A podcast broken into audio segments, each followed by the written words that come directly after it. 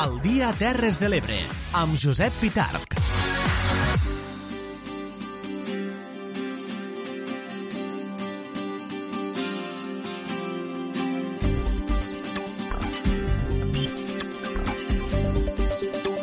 Al dia, la tertúlia. 4 minuts sobre el punt de les eh, 3 de la tarda. És aquesta sintonia, la veritat és que ens agrada molt. És la sintonia de la tertúlia del Cafè de la Tarda, que ja sabem que és la tercera hora del programa El Dia Terres de l'Ebre, aquest magazín informatiu que de manera conjunta, i no ens cansem de dir-ho perquè ens agrada molt, fem a través de sis emissores municipals, a través de sis dials, que són els de la Plana Ràdio a Santa Bàrbara, el de, els de Ràdio Tortosa, la Cala Ràdio, la Mella de Mar, Ràdio Joventut a Mas d'Enverge, Ràdio Delta del Tebre i també a través del dial de Amposta Ràdio.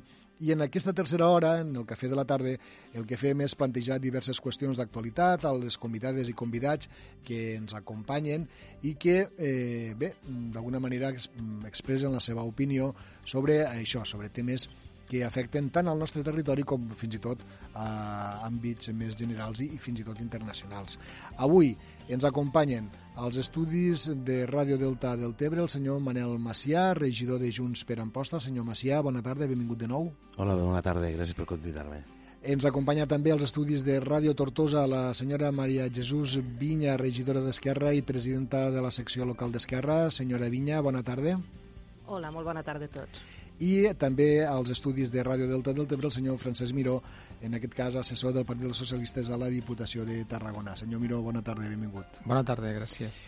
Eh, mireu, hi, havia, hi ha, com cada dia, no? moltes coses del, de les que parlar, de l'àmbit polític, de l'àmbit eh, sanitari, si voleu, de l'àmbit social, eh, però jo avui m'agradaria començar parlant d'un tema de, que afecta el nostre territori. No sé si heu tingut ocasió de veure eh, una notícia que eh, treien exclusiva a l'Ebre Digital i que la veritat és que és d'estes que, bé, com a fet territorial, crec que són molt potents. No?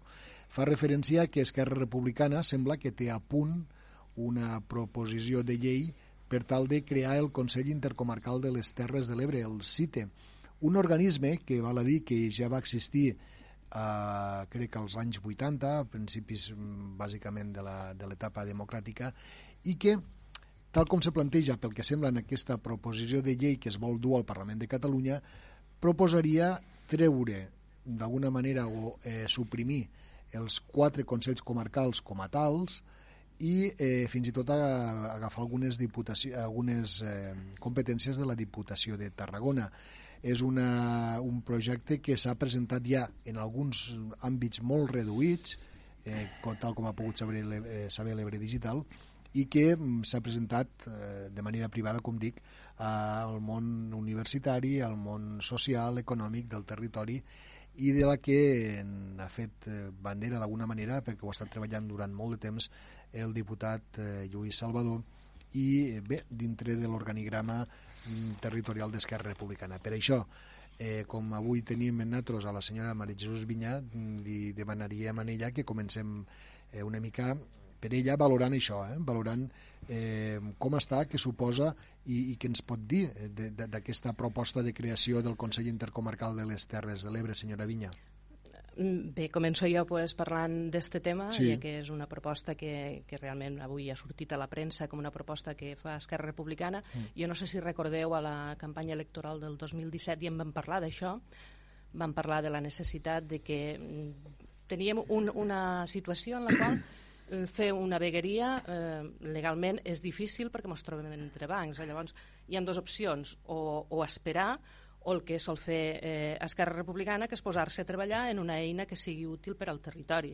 Doncs valorem molt eh, el fet de que hi hagi una, una eina política que representa tot el que és les Terres de l'Ebre, perquè som una unitat mm, territorial i també hem de ser una unitat política que pugui defensar els interessos del territori. I pensem que aquesta és una eina molt, molt important que ens pot ajudar a posar tota la problemàtica que tenim a les Terres de l'Ebre davant de totes les administracions i poder treballar de forma conjunta. Eh, se tracta, eh, més que de la supressió de, dels Consells Comarcals, podríem dir d'una fusió mm, política dels ens comarcals eh, en este Consell Intercomarcal. Eh, la part administrativa mm, s'anirà fent, suposo, que en funció de com se vagi negociant, perquè recordo que això és una proposta que s'ha de portar a discussió mm. i, com sempre, oberta a totes les aportacions que es puguen fer. Eh, Deixeu-me lligant això, que tu també ho has nombrat, que un dels artífecs, una de les persones que ha treballat en aquest projecte de forma molt activa, perquè sempre ha treballat de forma molt activa en tots els àmbits en què ha estat i perquè es creu el territori és Lluís Salvador. I penso que ho hem de posar molt, molt en valor estos dies, a més a més, que ha estat eh, imputat i que se li demana una fiança de 1.635.000 euros per uns fets eh, que comparativament en altres situacions que està tractant la justícia són aberrants i jo vull posar un valor i penso que eh, la figura de Lluís Salvador ha estat i és molt important per al territori i eh, hem d'actuar com a territori també davant d'esta injustícia que es presenta davant de la seva causa.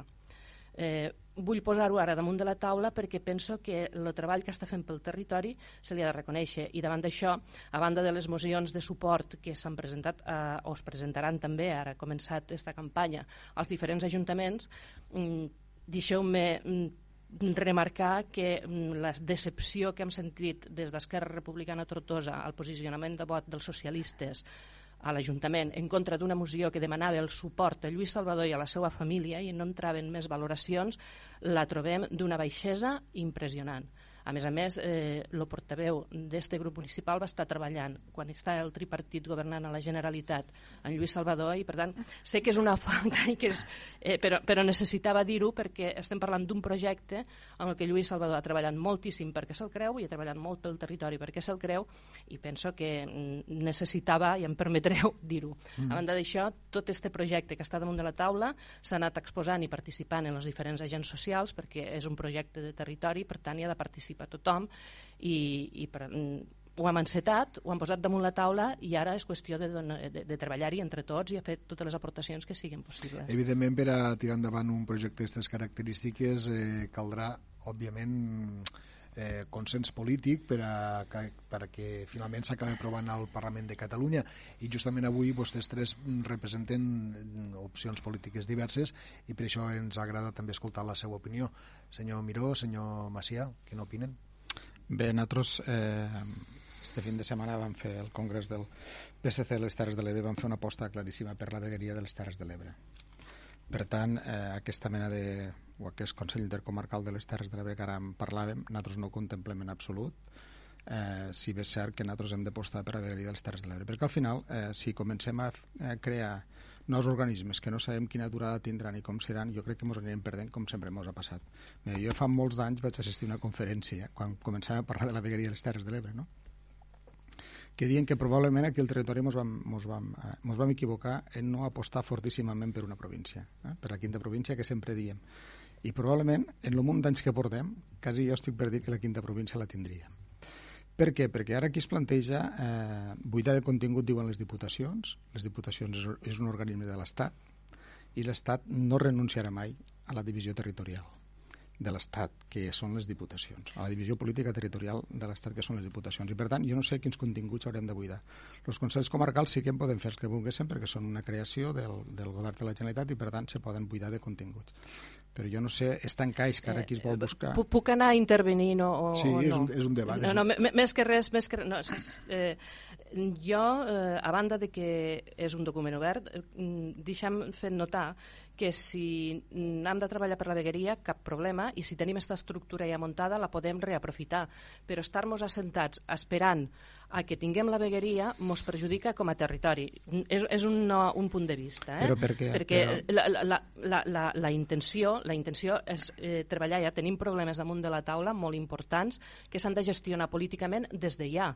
I això, tindre esta eina, és relativament ràpid i fàcil i mos pot permetre posar un pas més per arribar a la vegueria sense cap problema, perquè Esquerra no hi ha renunciat mal, i no, només faltaria, si sempre ho han portat a tot arreu i ho han defensat com a calgut, però no ens esperarem mentrestant a no resoldre els problemes del territori. Però, per... en, quant a buidar les, en quant a buidar les diputacions, eh, primerament, és un document obert, però fixa't, si poguérem gestionar tota la inversió turística que es fa des de la Diputació. I poso un exemple, només, eh?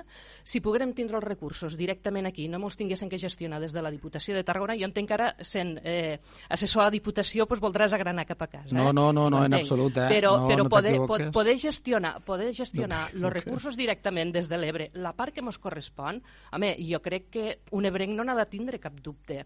I no vull des de, de contingut la Diputació, que probablement s'haurien de buidar, eh?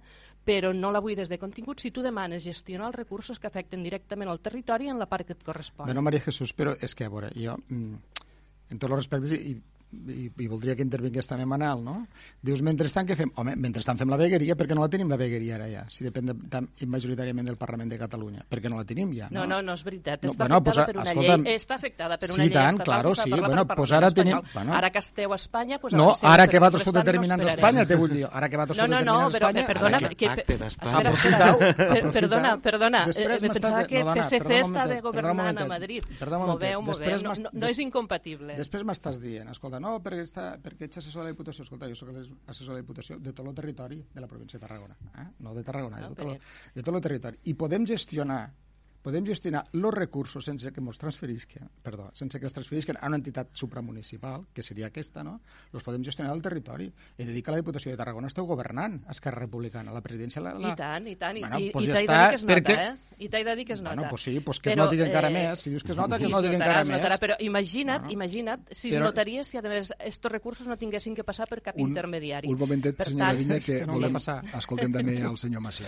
Bueno, només escu- eh, Ja canvia. Recordar aquí a qui ens escolta pues, que tenim set nivells de govern, eh, des de l'Ajuntament, Consells Comarcals, la delegació. Clar, jo m'he fet la llista un altre cop, dic, bueno, pues la vegueria seria quasi la delegació, és que no, no en tindríem que tindre cap dubte, i Però- per tant, afegir-li... Jo, si, si ara que governa Esquerra vol fer com si diguéssim un, un treball dels quatre governs junts, a mi em sembla perfecte. I crec que ja ho fan i, i ja n'han fet publicacions i a mi em sembla superperfecte. Però treure els consells comarcals que apropen més la gestió a la, a, a la gent, No, no, no, a no. mi em sembla un error estratègic, però per, per, Però, per com se fan les cosa. coses. No, un, un moment, eh? Només Acaba, deixa'm acaba, però explicar... després deixeu- deixeu-me parlar. I tant, i tant, Vale. i tant. A veure, eh, si la, a mi m'agrada que els llocs de poder i els llocs de decisió estiguen com més a prop de la gent, millor. L'Ajuntament, en aquest cas, i per això m'agrada la política municipal, després els consells comarcals que gestionen altres tipus de subvencions, però que estan a prop de la gent, eh? estan a les capitals de comarca. I això almenys m'agrada. Si ja tenim que anar a una capital de vegueria a fer gestions, me sembla que és, és un... Però volem la vegueria o no entorpeix- volem la vegueria? Sí, sí, sí. He dit liant, eh? Entorpeix, una mica el, el funcionament. Per tant, jo deixaria els consells comarcals tal com Molt estan. Eh, i la vegueria i la vegueria eh, amb la delegació, diguem, i podríem suprimir eh, les diputacions. És, això és la meva opinió. Si fem les vegueries, Jo, hem de eh, suprimir estic les segura- diputacions. Estic Però deixa'm segura aca- que- deixa'm acabar ah, només. no, no pensava que estaves ja. Eh, parlar d'aquesta llei, crec jo, a, diguem, amb unes eleccions eh, prop, parlar d'aquesta llei crec que és una mica un brindis al sol. Perquè És que no com- podríem parlar de res, que sempre estem en eleccions pròpies. no, ah, no, bueno, però dic, ara és, és un brindis al sol perquè queden sis mesos, vuit mesos de de- d'això fins que el president bueno, Torra si digui s'hagués que sí. presentat una mica més a prop, diríeu que és electoralista o jo què sé. Puc, puc parlar ja un momentet? Eh, Bueno. Jo estic segura que quan veureu el contingut, eh, si és que no l'heu vist, eh, podrem discutir amb més propietat. Eh, S'està parlant d'una reducció d'estructura política dels Consells Comarcals, no dels serveis administratius. En això se n'ha parlat en cap moment. I, per tant, jo crec que estarem tots d'acord en que no passa res perquè eh, reduïm el gruix de polítics que representen si estos mateixos polítics te poden representar en un altre estament i, a més a més, existint un Consell d'Alcaldes que em penso que és el més representatiu que pot hi haver en una comarca, que tots els alcaldes d'aquella comarca puguin estar representats dintre d'un mateix gens, en la qual jo esta distància eh, que esteu proposant o exposant no la veig. Per tant, el que fas no és suprimir un nivell administratiu d'apropament Perdona, Maria Jesús, que estem parlant-. Estàs- estem parlant estàs- sense haver vist el document. un nivell polític. Claro, per això et dic que, Vale. per això Tu, tu, dic que és, a mi mos fan un planteig, jo accepto el repte, eh?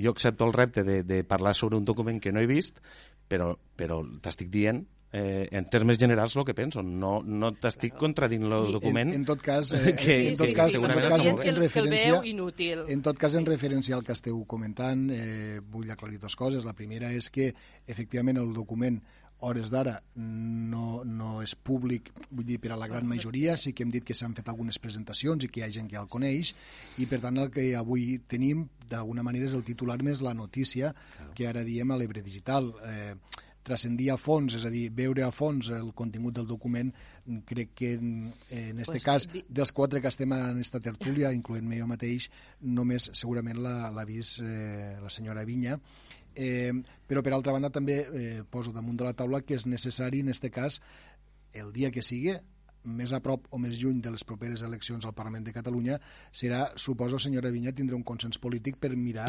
eh, de que, de que jo, tiren endavant, no? Eh, tots els passos que s'han fet des d'Esquerra han sigut per això i es proposa este document per a discutir-lo, per a obrir-lo a, a la resta de formacions polítiques i a la societat quan se proposarà i es, i es posarà a debat. És evident que ha de passar uns tràmits i el que he dit al començament, si no, no, potser no s'ha entès, però jo quan he intervingut la primera vegada he dit que era un document que es posava a la disposició dels, del territori, tant de les forces polítiques com dels agents socials, perquè és des del territori que s'ha de crear. El que passa és que aquí han passat d'això a passar a nivells de poder i, i si ara buidarem, que si no buidarem, mantenim poder. Ostres, este, este document se presenta per a que el territori sigui qui tingui el màxim poder possible mentre esperem tenir una vegueria, que no sabem quan serà. Per tant, això és fàcil tindre-ho és fàcil tindre una eina de poder polític que ens ajude a créixer com a conjunt de Terres de l'Ebre? Mm, no mos hi tanquéssim. Eh? No, no. no, no però que, és que no mos hem tancat. Jo precisament he dit meu, mm, tancar Diputació sí, lo, lo, i fer la vegueria. Lo, és que eh, me sembla que he parlat d'això. A veure, jo quan he sentit a, a, a Francesc mm, no hem d'anar per altres eh, puestos que no siguin la vegueria. Per tant, jo entenc que en això ens tanquem d'entrada. Bueno, jo, no renunciarem. No, una cosa és no renunciar a la vegueria, que Esquerra no ha dit en cap moment que hi hagi renunciat. El que estem dient és el que fem mm, habitualment. Si per arribar aquí necessitem fer passos intermitjos, el que no podem fer és esperar-nos fent brindis al sol. Ens hem de posar a treballar perquè el territori bueno, jo, necessita perdona, una eina potent ara. Maria Jesús, mm. jo en això discrepo amb tu. És a dir, a veure, aquí a les Terres de l'Ebre no es fa res perquè no tenim el Consell Intercomarcal no, no, no, de les Terres no, no. de l'Ebre, és que no ho entenc. No, la veritat no, és aquesta, no, que vosaltres estic... volguéssiu no, crear no, no, no, un organisme no, més, que li voleu canviar... Perdona un moment, que no, no toca no a mi, per favor. crear un organisme. Que vosaltres voleu crear un organisme més, a canvi suprimir uns altres, o assumir competències d'uns altres. Jo només te plantejava que en el tema de la Diputació, i és un tema que conec, no per ara estigues, sinó perquè he estat a la Diputació de més com a polític, tu no pots buidar de contingut la Diputació. Tu pots aprovar la, la Diputació a les Terres de l'Ebre, que és el que s'ha de fer, però no la pots buidar, perquè demana d'una llei estatal. Això ho hem de tindre clar. Que tu digues que mentrestant què fem? Home, doncs mentrestant estem fent. El que hem de fer és, és, és fer una espenta definitiva a la vegueria si realment molt la creem. Si no molt la creem i mentrestant volem crear una altra cosa, doncs bueno, cada partit és lícit de, de fer els plantejaments que creu. Evidentment I, que tothom i volem descentralitzar l'administració. Això ho volem tothom, no? I el que es pugui fer aquí, que no, que no s'hagi de fer allà. I en això hi estem totalment d'acord.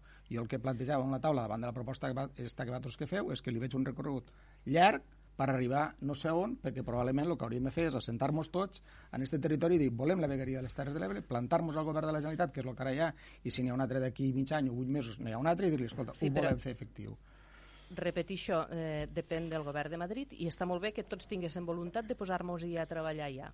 Però, torno a dir, davant d'aquest document que se planteja des d'Esquerra Republicana perquè se'l veu com una eina útil i fàcil tindre la disposició ja per a poder treballar per tot el territori, evidentment, eh, quan els altres partits polítics lo tinguin en mans, poden fer les aportacions que siguin i el podem discutir i ha de fer la tramitació que correspongui, però és una eina molt potent que jo us mm, demano que la mireu en carinyo i, i en positivisme perquè ens pot servir de molt a les Terres de l'Ebre com a eina estratègica i política en un territori que és molt ampli, que no té un nivell de població molt alt i que és necessari que anéssim tots a una. I, eh. i el que pretén este, e, esta eina, no este document, perquè al final és un document que ha d'acabar de ser una eina, és això, ser un instrument al servei del territori per a poder treballar en benefici de totes les terres de l'Ebre. I contra més a una anirem, més fàcil ho serà.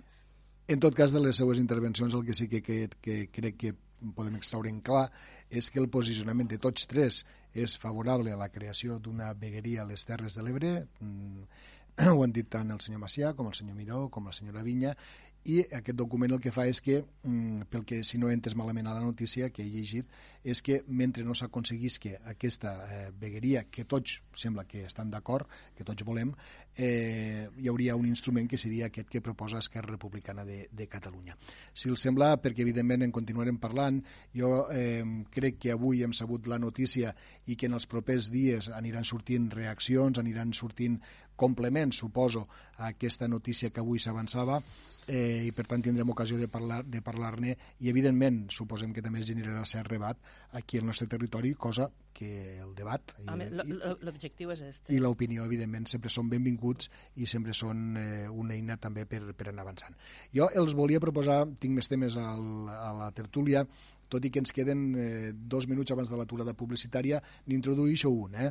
un que segurament que no els ho és aliè, que hem vist als mitjans i que, mm, i ara parlo per mi, eh, la veritat és que mm, corprenen i, mm, i la veritat és que deceben moltíssim. En els darrers 20 anys la Unió Europea ha endurit la seva política migratòria, als països del sud hem vist com s'estan aixecant tanques, com s'estan aixecant alambrades, s'han endurit les peticions d'asil, fins i tot s'han suspès drets fonamentals, eh, podem dir, i alguns ja ho diuen, que Europa s'ha convertit en una veritable fortalesa. Eh, per altra banda, en la darrera crisi que estem patint esta setmana, les ONGs eh, que estan ajudant als refugiats a Lesbos eh, estan paralitzades pels atacs de la ultradreta, la passivitat de la Unió Europea, Turquia que es tira els trastos amb Grècia, eh, hem vist mm, embarcacions gregues intentant fer afonar a pasteres plenes de, de xiquets i, i, i, de, i de migrants una mica el paper d'Europa de, en tot això ha quedat o està quedant molt en entredit. No? Us dono 30 segons per introduir el tema i en parlem després. Eh? 30 eh, segons, Manel. Ho comentaves tu una mica, però Open Arms, que és aquesta, aquesta fundació, eh, és una llum eh, dins de tota aquesta foscor que està dins d'Europa. Mhm. -huh. Francesc? Bueno, que no anem bé, que no anem bé, que, és que la gent cada vegada, mm, o els països, els governants cada vegada es tornen més eh, més se tanquen més en ells i per tant comencen a aixecar fronteres i no anem bé perquè jo crec que la solució dels problemes no és amagar-los. Maria Jesús, un titular. Eh, sí, estem utilitzant com a moneda de canvi la vida de les persones i això ja és d'una baixesa humana que fa temor un titular que ens dona per a parlar encara més. Evidentment, reprendrem aquesta qüestió, més les altres que tenim preparades per a la tertúlia del dia d'avui. Serà després de l'aturada de 3 minuts que ara mateix fem per escoltar consells publicitaris. Tornem a les 3 i mitja en punt.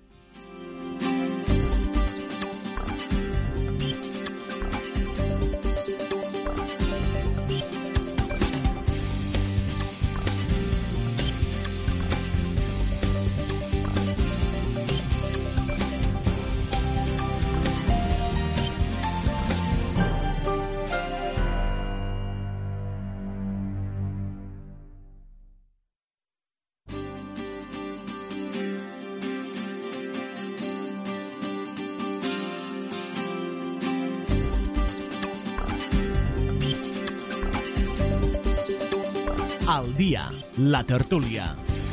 Com els havíem dit, les 3 i mitja en punt, estem al Cafè de la Tarda, la tertúlia de El Dia Terres de l'Ebre, i que avui està, eh, està, en aquest cas, participada pel senyor Manel Macià, el senyor Francesc Miró i la senyora Maria Jesús Vinya.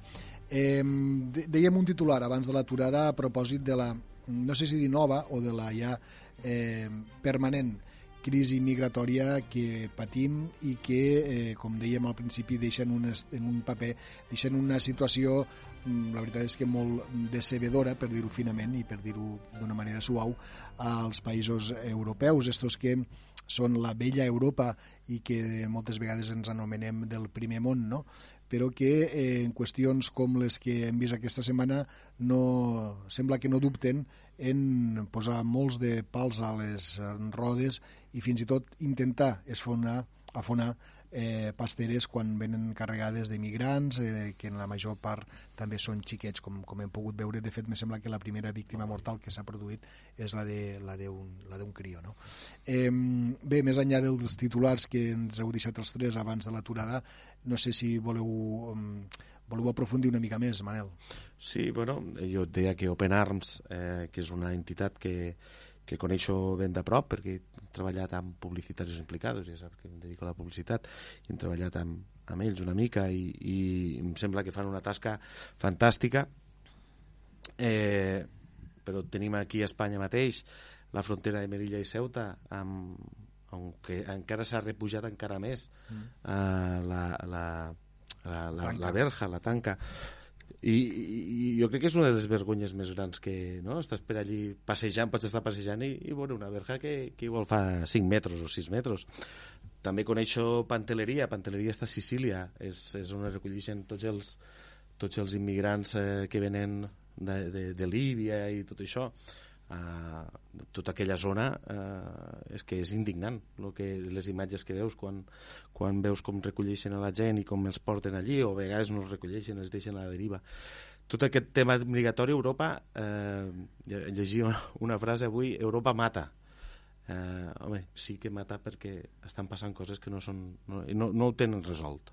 No ho tenen resolt i, i crec que tots hem de fer força perquè ho tinguéssim resolt. Crec, crec que hi va haver una crisi de, durant l'estiu passat, de que quants, quants d'immigrants es quedàvem, estàvem eh, dient jo me'n quedo 25, tu te'n tens 50, eh, una vergonya, perquè estem parlant de vides humanes que no estan resoltes i que, i que la veritat que sentir com, com tracten en aquesta gent, que es, moltes vegades escapa de la guerra o escapa de la pobresa i de la fam, pues, eh, fa mal, fa mal veure. Eh? I a més a més, eh, Francesc, eh, tenim un, un, un estat que està fent de tap, un estat de, que no, no, no es caracteritza justament per ser eh, el que defensa els valors democràtics al 100%, que és Turquia, amb Erdogan al capdavant, i a canvi de que Europa li estigui pagant exactament el, això, el fer de tap i sigui com sigui parant aquesta gent. No?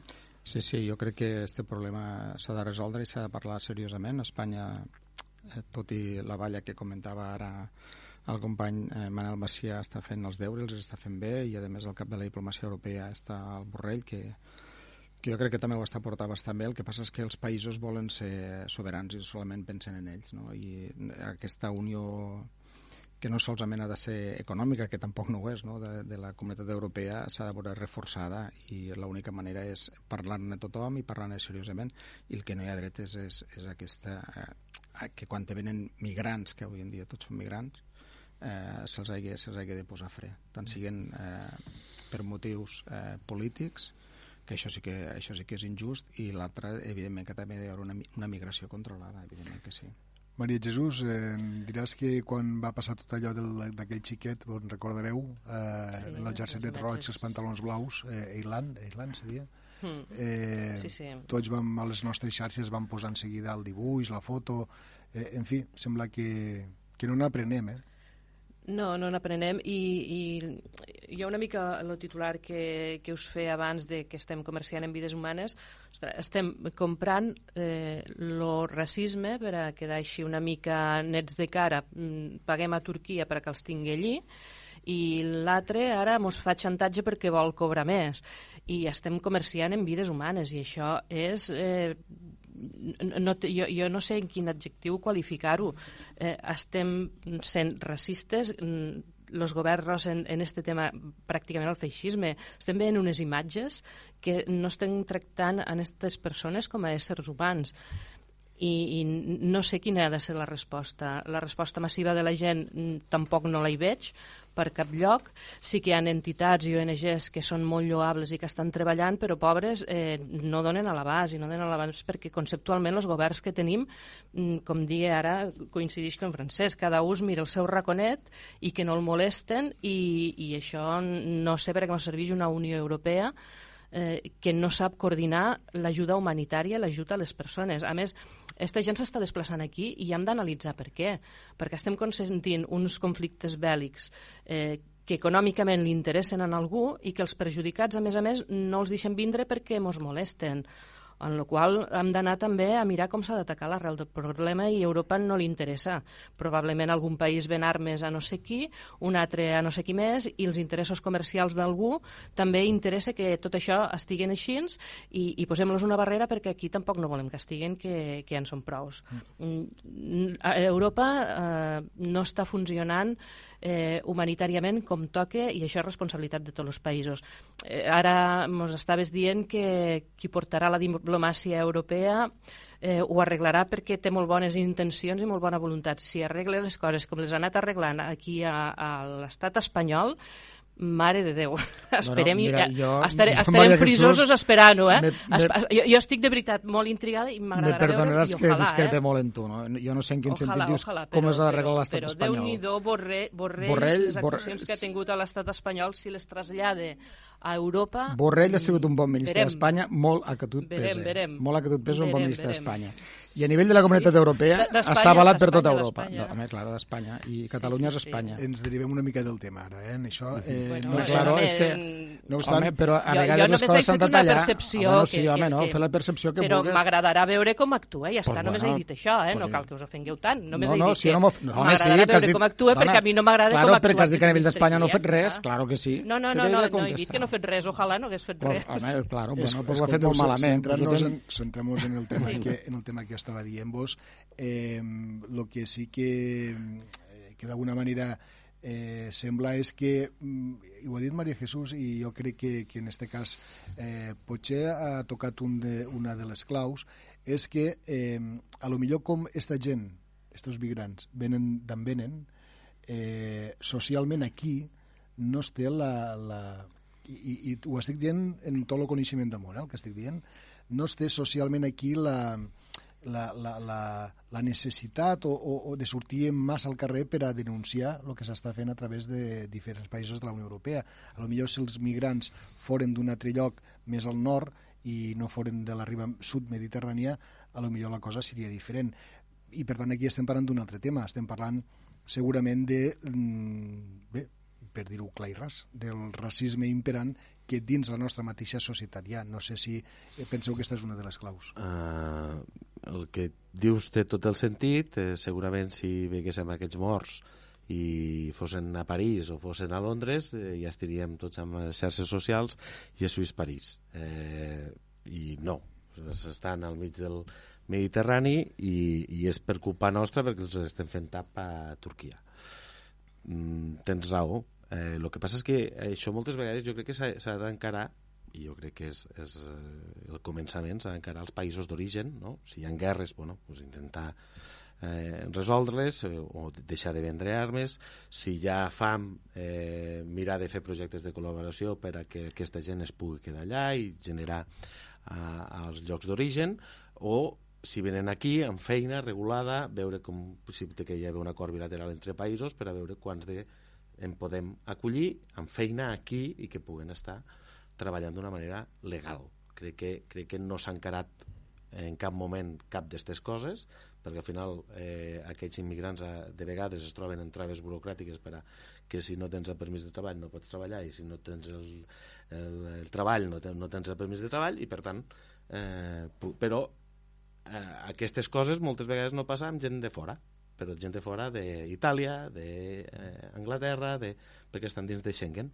Bueno, aquesta diferència de persones de classe eh, de, segona, de segona classe o de primera classe, això és el que tindríem que evitar. Per tant, el, el racisme, eh, Manel està afegint el classisme, eh? i no vull utilitzar tòpics, però no és el mateix una persona desarrapada que ve amb el que porta damunt del nord d'Àfrica o algun jugador d'algun esport de primera línia que, eh, que no deixa de ser un immigrant, el que passa que mm, aquí entraria el classisme, no? Bueno, el tema migratori és un tema que no s'ha resolt mai bé, mai. Eh, mons pares ja van ser migrants a, a França i tampoc no, resol, tampoc no resolia bé, no? perquè tots els països ens tanquem en nosaltres mateixos i no et preocupes mai en lo, del que, en lo que li passa al del costat.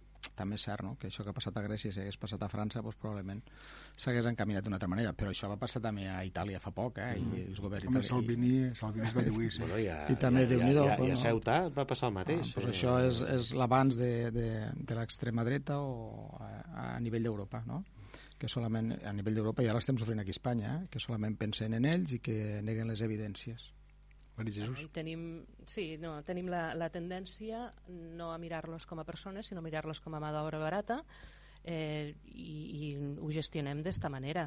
I això genera que quan aquestes persones han de reivindicar els seus drets, mos sorgeix que una extrema dreta que el que vol és continuar fent negoci perquè quan aquestes persones no són legals o cobren menys que els que estan aquí, a l'extrema dreta ja li van bé, però quan els hem de tractar com a persones, mm, llavors ja no i, i volen regular aquests fluxes pues, com feien abans en els esclaus d'Amèrica i ja està, i no té res més. I, i ens interessa que entren els que volem per explotar-los, però les persones que a nivell humanitari es desplacen perquè jo no crec que ningú tingui per ganes eh, voler anar eh, cruzant la, la mar en un barco de condicions ínfimes o en una taula o caminar no sé quants quilòmetres en les criatures agafades al coll, que ho faci per gust. Aquesta gent se desplacen aquí per necessitat humanitària, política o social i per tant hem de saber mm, des de tots els nivells i estaments polítics eh, explicar a la gent que no són enemics, són persones que tenen unes necessitats i en això no me'n sortim. Mm. No me'n sortim i el que fem és generar moviments d'extrema dreta que, que el que veuen les persones, com us dic, mà d'obra barata, que quan m'interessa la tinc i quan no, doncs mira, fora. Escolteu, el canvio totalment de tema, deixem ja aquesta qüestió.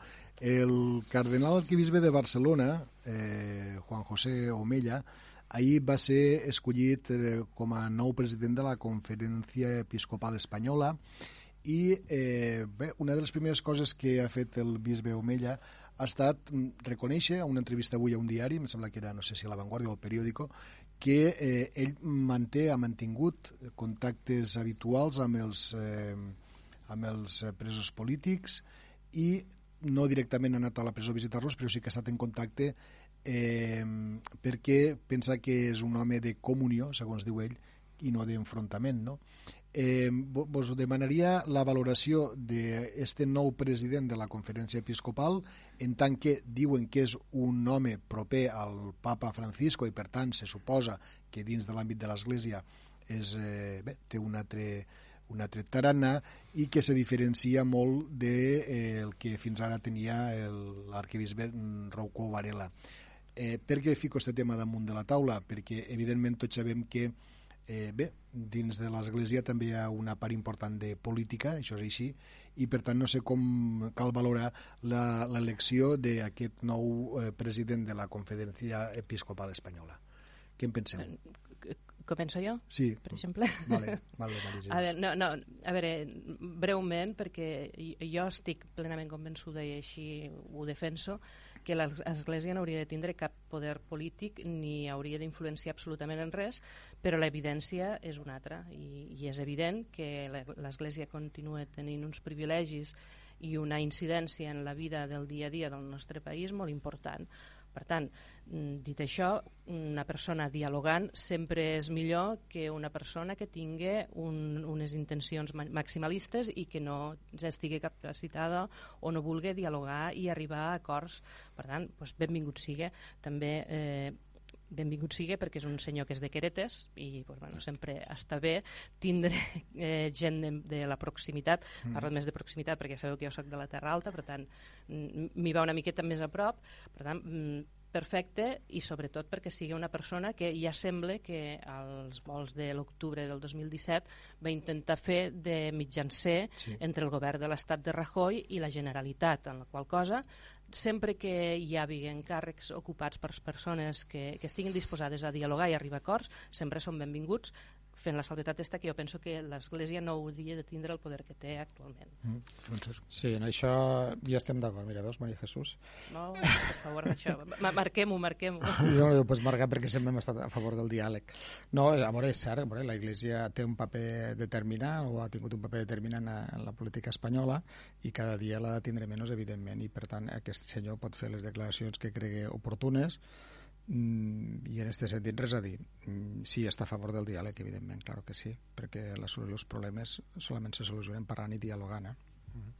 Manel Bé, eh, bueno, me dius que és un home de Francisco, jo no el coneixia, me dius que és un home del papa Francisco, eh, Francesc, eh, i, i, i si voleu entendre les dos cares del, les dos cares del cristianisme heu d'anar a Netflix i mirar Los dos papas que és una fantàstica pel·lícula on estan és, és una conversa entre els dos papes eh, fictícia o no fictícia, però entens... entens Actuals, eh? L'emèrit i... L'emèrit i el, Sí, el d'això, eh? És, és el canvi, és la transició de Ratzinger a, a francès, eh? Que eh, està, està, està molt bé i veus eh, les, dos, les dos cares de la... Tres vegades l'he vist, tres vegades. Està, està superbé.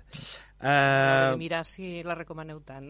Sí, sí. A més, perdona, els actors estan molt ben caracteritzats, eh? Pareixen ells res Semblen més. ells, eh? Semblen, Semblen ells res La veritat més. que, que és, la una buscaré, la buscaré. és una pel·li fantàstica, els dos papes.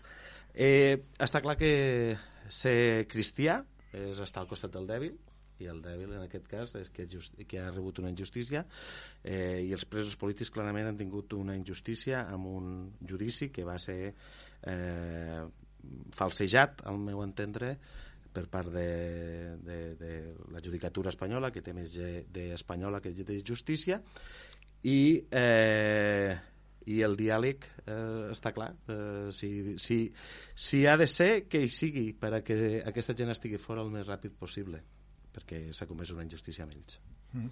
Bé, i eh, l'últim tema que volia posar damunt de la taula, no sé que volguéssiu afegir alguna cosa més del que dèiem del senyor cardenal arquebisbe de Barcelona.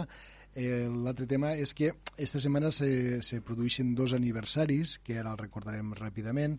M'ho apuntava Manel abans de començar la tertúlia, que esta setmana s'ha complert l'aniversari de l'ajusticiament de l'assassinat de eh, Puig Antic, em sembla que va ser dilluns. Sí, dilluns, 2 de comentaves. I avui fa 44 anys de la matança de Vitoria. Això va ser l'any 76.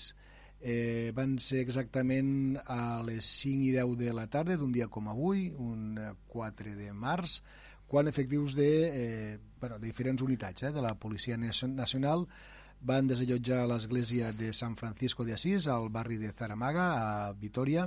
Hi havia dins 4.000 treballadors, estaven fent una trobada sindical, estaven en vaga, i eh, la policia, per desallotjar l'església, va llançar gasos lacrimògens, va disparar amb foc real a les persones a mesura que anaven sortint d'aquella església. En total, 5 morts i més de 150 ferits.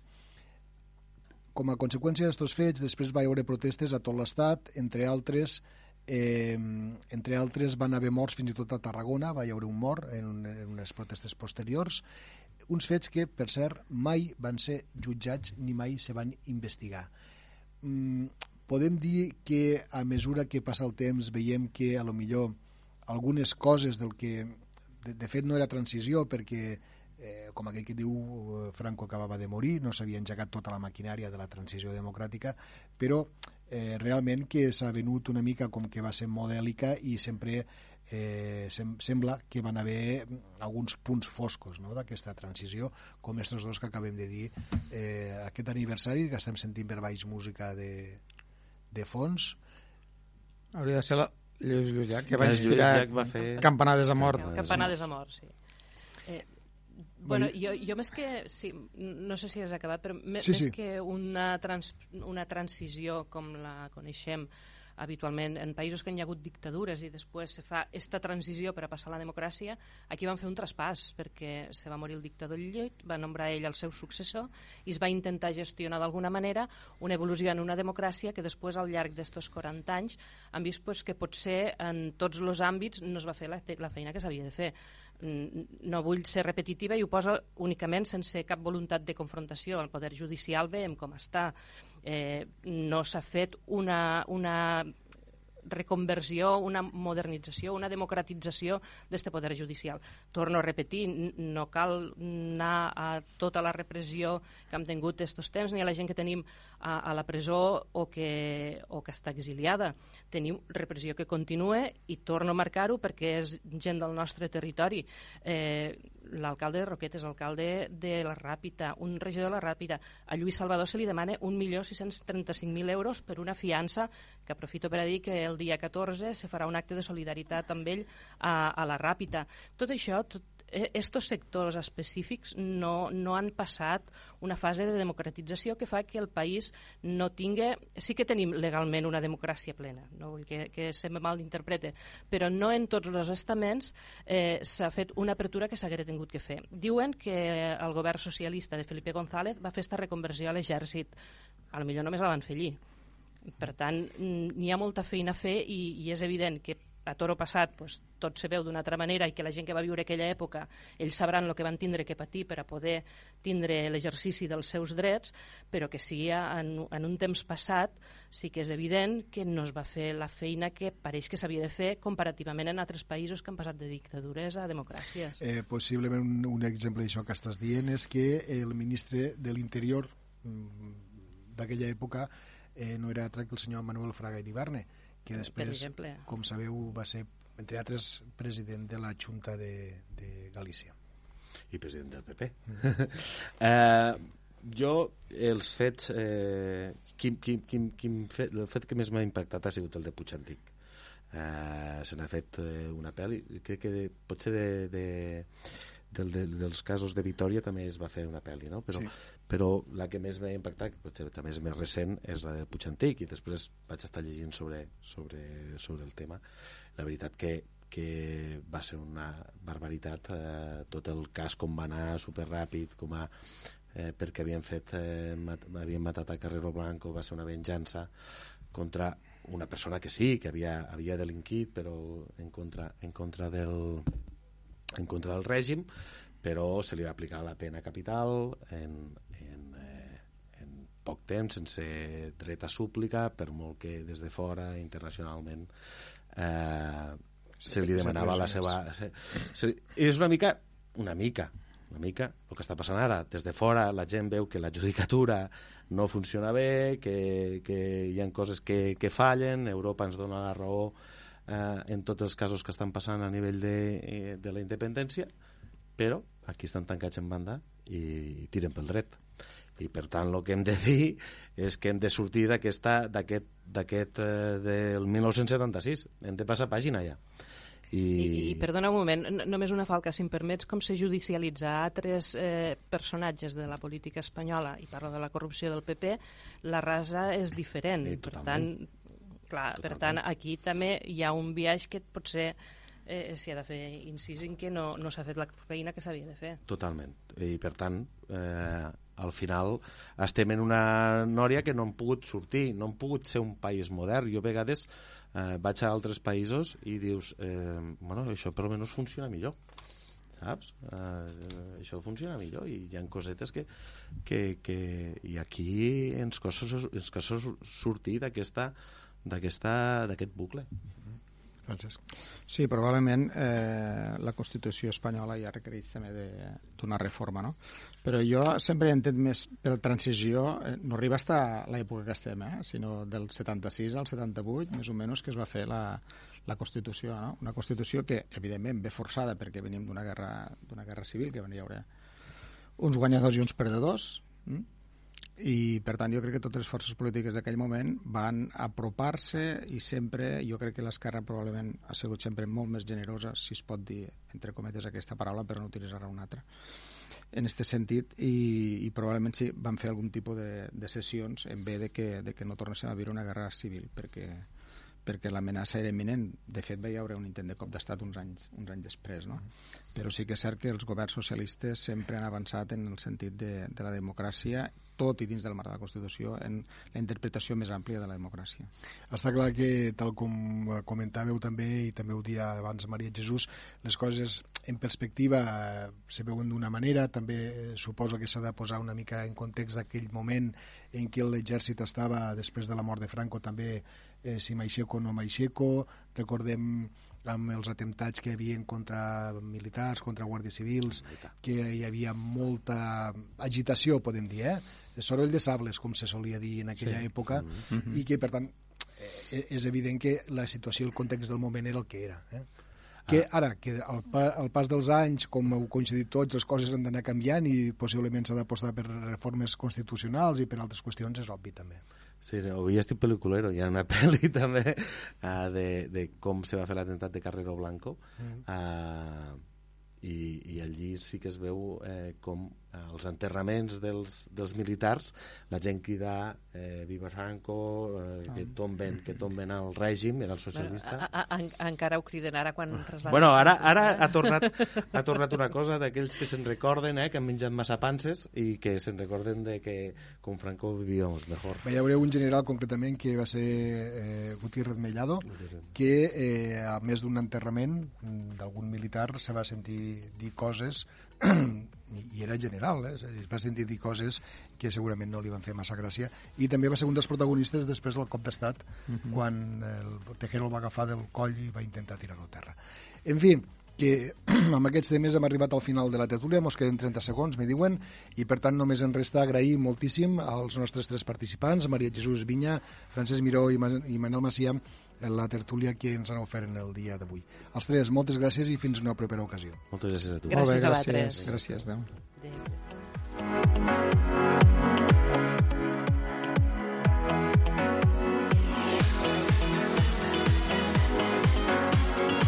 I a tots vostès només ens resta desitjar-los que acaben de passar una molt bona jornada de dimecres, acaben de passar bon dia, siguin feliços i fins demà.